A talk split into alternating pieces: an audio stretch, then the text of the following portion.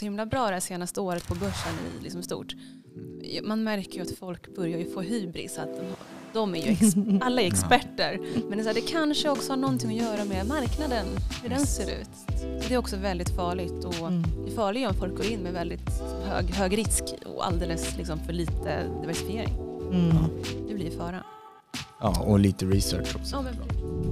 Välkommen till The Compounding Lounge, stället där vi pratar långsiktiga investeringar. Dagens tema kommer zooma in på något som vi inte vill erkänna, att vi som investerare också är opålitliga beslutningsfattare. Det finns flera orsaker till det och vi kommer att prata om tre av dem eh, som du kanske inte känner till. Jag heter Katja och runt bordet sitter två personer som har mycket att säga om detta. Välkommen Maja Folke. Tack. Och välkommen till dig Levi, VD för Stockholm. Hur mår ni? Jättebra, tack. Jättebra. Ja, Ja, verkligen. Hur mår du? jag är också bra. Ah. Lite nervös på svenska här, men Ja. det går bra. Det går Det bra. går utmärkt. Försöker värma upp. Ehm, det ska bli spännande att fokusera lite på eh, det här med att man är en opålitlig beslutningsfattare. Mhm. Och det handlar mycket om både data och, och människor. Ehm, och det är ju såklart också något vi tar upp för att vi är lite fascinerade av teknologin i det här Ja. eh, sammanhangen. Ehm, och många vill ju nå ekonomisk frihet så snabbt som möjligt och många är övertygade över att, att de kan slå börsen. Mm. Så låt oss eh, ta upp den här tesen att vi som människor faktiskt är opålitliga beslutningsfattare och speciellt som investerare. Eh, varför är vi det? Ja, eh, eh, på Stockholm har vi skrivit en white paper, ett långt dokument om det här, där vi, där vi sammanfattar forskningen kring just eh, varför människor inte fungerar på börsen. Då.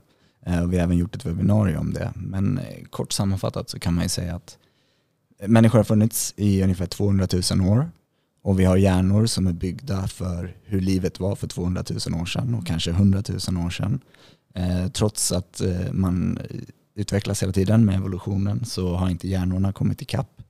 Eh, och därför så vi är anpassade för att leva i flock på savannen och överleva hot från rovdjur, eh, äta så mycket mat vi kan för att överleva kalla vintrar och så vidare. Eh, och den typen av mekanism i våra huvuden funkar inte så bra när det kommer till en högteknologisk nutid med eh, supersnabb trafik på vägarna och datorer och internet och liksom mikrosekunders beslut som vi ska försöka matcha då med, med våra ganska eh, ärligt talat sega hjärnor. Min är inte seg. Nej, förlåt. Prata för dig själv. Ja. Okej, men det förklarar mycket. Ja. Mm. Ehm, vi har ju tittat som du sa i white paper där på 11 eh, bias eh, som eh, vi vet har en konsekvens på Mm. Investering. Mm. Ehm, och idag tar vi bara med de här tre av dem som jag tror många inte känner till. Ehm, och eh, den första är det vi kallar narrative fallacy. Mm. Och det är att man, alltså förklarat på svenska, att man söker information som bekräftar det bild ehm, man har och ignorerar allt annat info. Exakt. Ja, jätte, jättevanligt inom eh, liksom investering, eller inom aktier. Mm. Många som, som börjar trada faller för det här väldigt lätt. Att man bara är med i grupper som be, där alla bekräftar ens egna tro och liksom åsikt.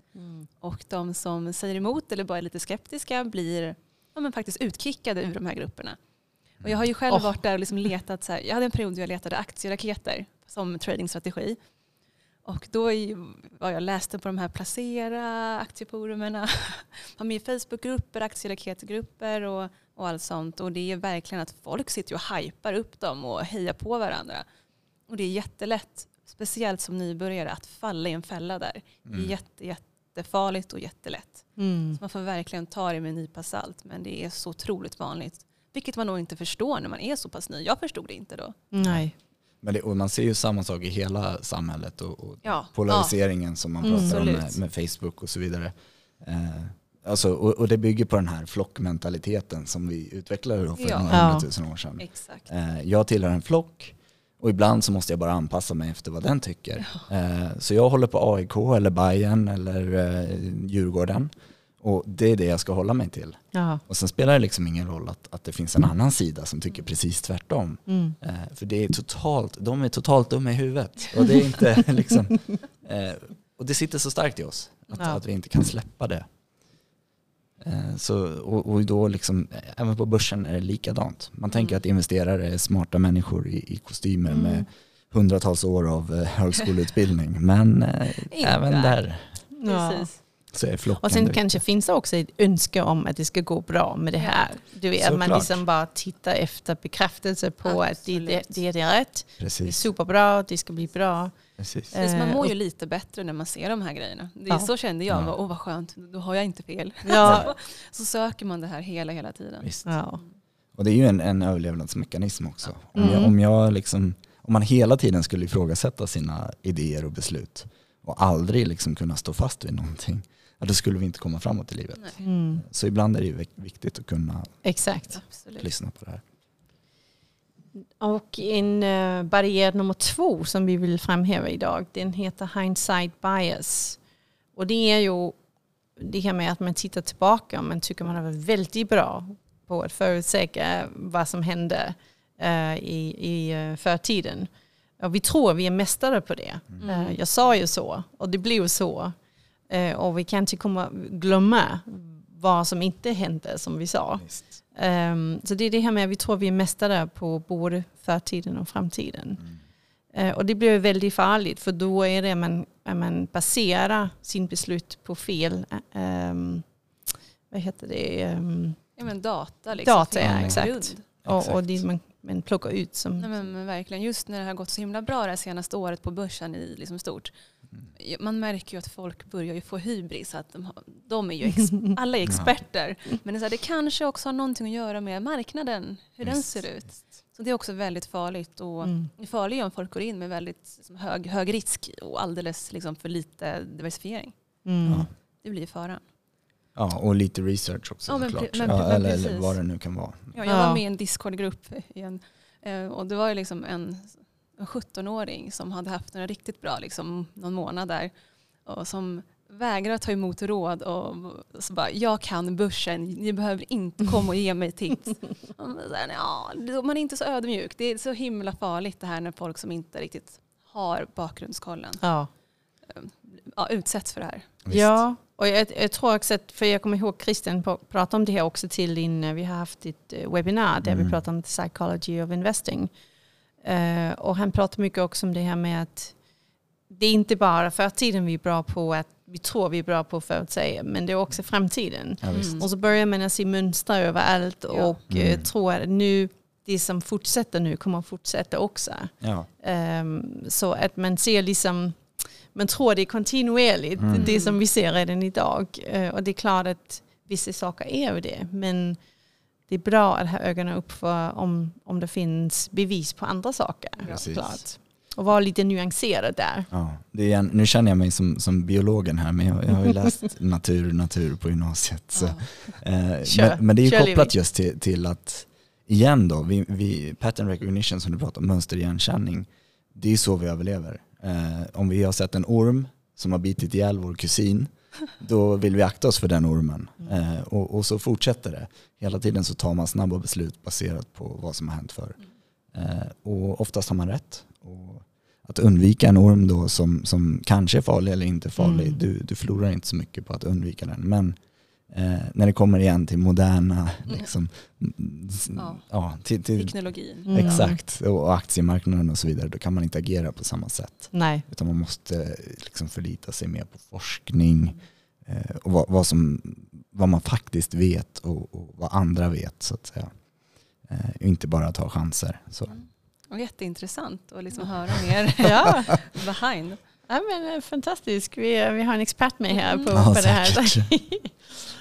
Och den tredje är faktiskt det man kallar disposition effect. Ehm, och det var det som du nämnde Maja, med, Men precis. kommer ihåg. Ja, men exakt, att man, det är så himla, eftersom man är riskavers, eller som de flesta är det, Ja. att man tar en förlust hårdare än vad man är glad om en vinst. så är det väldigt vanligt att man liksom kapar vinsterna. De aktierna till exempel då, som har gått bra, de kammar man hem väldigt tidigt.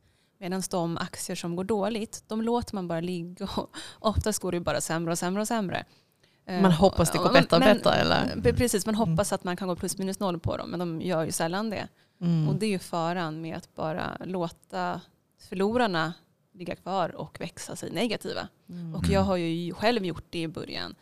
Och det var ju då jag slutade med mina 90% minusaktier. Det är ju exakt därför jag hamnade där då på den tiden. Mm. Medan jag tog hem kanske en vinst på så här 5%. Ja. Och det är Och det är ju- väldigt vanligt. ja, det är ju de plus och minus som är intressanta. Mhm, Ehm. verkligen.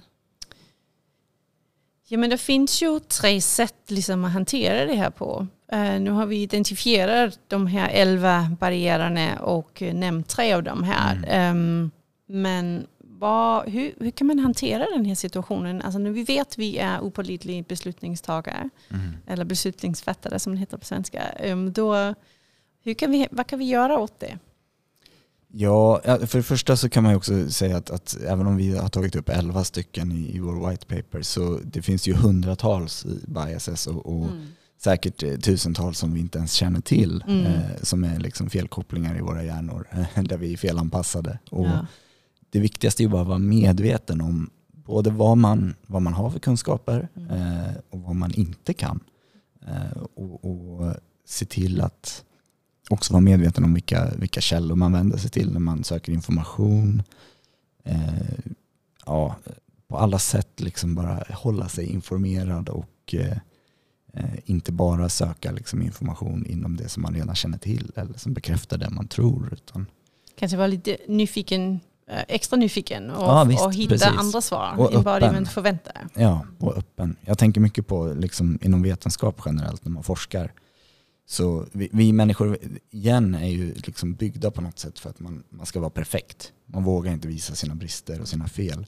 Man vill ha rätt. Men inom vetenskapen så handlar det ju bara om att få fram sanning och information som inte är liksom, eh, komprometterad, som inte är korrupt. Eh, och, och det måste man liksom på något sätt tänka. Tänk som en vetenskapsman. Det är okej att hitta fel och det är okej att slå hål på min egen tes. Ja. Eh, för att det kommer att göra mig smartare. Mm. Eh, ja. Så det, det, det tror jag är det viktigaste, absolut viktigaste. Och en annat sätt är ju teknisk analys. Mm. Men verkligen. eh, Ett sätt att gå i alla fall if- ifrån det. Även om genom teknisk analys så, i alla fall inom trading, så gör man ju själv besluten. Men jag är väldigt fascinerad av teknisk analys och det är så jag baserar min trading på. Och då går man iväg ganska mycket mer rund, alltså mjuka siffror och värden på det viset och mer ett liksom hård, hård fakta och hårda siffror. Eh, och jag tycker det känns, det är lite lättare för mig att förstå och göra beslut av och det är lite mer, men mer rakt och det gör att man gör lättare beslut själv. Mm. Så det är liksom ett, ett första steg att komma åt det här hållet tycker jag i alla fall. Mm. Och det är ju liksom så också Stockholms arbetar så via, ja, med exakt. teknisk analys. Ja. Precis, precis.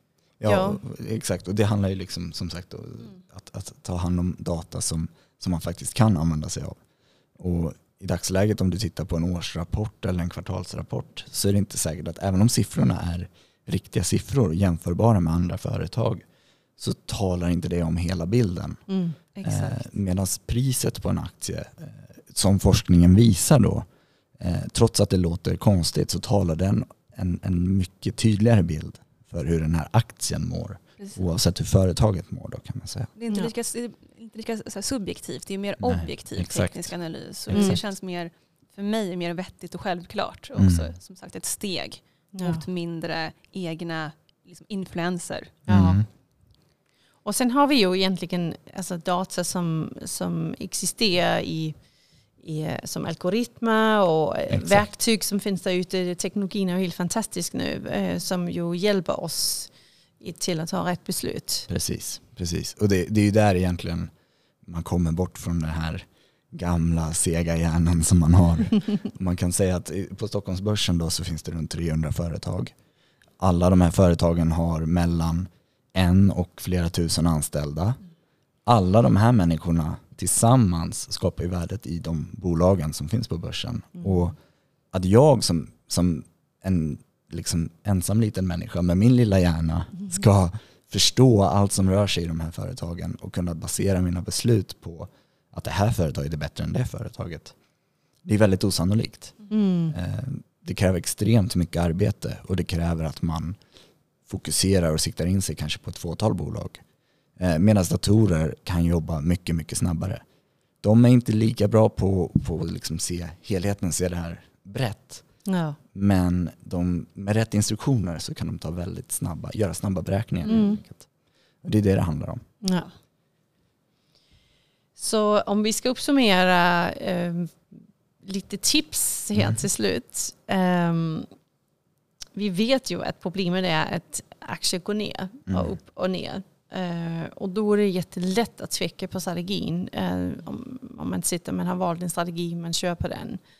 Ehm, och då vet vi, jag pratade om att tips nummer ett är att titta inte på mobilen tre gånger om dagen. Mm. Eh, och det är klart, vi pratar mycket om långsiktig strategi och långsiktiga investeringar. Ehm, och då, då spelar det ingen roll om, om aktien går upp och ner Nej. precis tre gånger om dagen. Eller, ehm, Så är det ju. Så är det verkligen. Ja, jag vet att eh, Paolo, vår um, CTO, han, han, han pratar mycket om det här. Men ta inte upp telefonen eller mobilen Mm. och kolla. Eh, om du gör det, då gör det när börsen är stängt. Ja. För då finns liksom ingenting att göra. Det är sant. Eh, och det är ett sätt liksom att hålla sig själv Ja. Mm. på kurs. Ja. Men liksom, ehm, eh, inte tveka för mycket på strategin eh, och, och kolla liksom över tid istället. Precis. Vi är alla liksom jätteintresserade av att våra pengar ska jobba hårt och, Mm. och åt rätt håll. Men, men det gäller att tagga ner lite och, och låta dem jobba ostört kan man säga. Ja. Ja. Exakt. Och jag är skyldig. Jag, jag kollar lite för mycket. Jag Jag är är också nyfiken.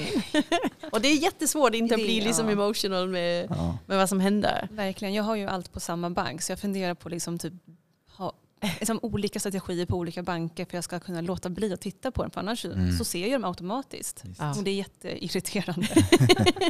Man kan ju nästan tänka, alltså, nu ska man inte se pengar och jämföra pengar med människor när det kommer till arbete. Men om man själv skulle jobba och hade någon som stod och tittade över axeln tre gånger om dagen eller ännu oftare. Ja, lite så. Det är nästan, eh, nu kommer inte det egentligen ha någon påverkan på pengarna i sig. Mm. Men det påverkar dig som, Ja. som liksom Exakt. de facto kontrollerar Ja. pengarna sen då. Så eh, låt bli. Ja, exakt. Och, eh, och det är ju en del av tips nummer två. Att hålla sig till strategin. Vad har ni, eh, vad har ni bra kommentarer där? Ja, alltså om man tittar på kanske de, de liksom genom tiderna mest eh, framgångsrika investerarna som till exempel Warren Buffett. Mm. Deras största vinst, det, det de gör bäst och har alltid gjort bäst, det är att de har varit i marknaden år efter år efter år. Och inte, inte hoppat ur och inte liksom fipplat runt för mycket med pengarna. Utan håller, man ska hålla sig till en sak, man får absolut experimentera. Eh, och man kan testa nya saker, man kan utveckla sig. Men att, att hela tiden liksom vända kappan efter vinden är verkligen ingen bra idé. Mm. Eh, det, det är väl liksom, det, Mm. så ser jag på det. Men verkligen och att det, till, att det är okej att det går ner ibland. Börsen går ner och det kommer strategier också göra. Mm. Det vore ju väldigt, väldigt konstigt om det bara gick upp faktiskt på en sån, alltså generellt. Exakt. Så det är bara, det är bara nyttigt. Ja, Det är en bra reminder. Och med Exakt. den så avslutar vi det här avsnittet. Tack för att ni kom. Tack. tack. Och tack till dig som lyssnade på The Compounding Lounge.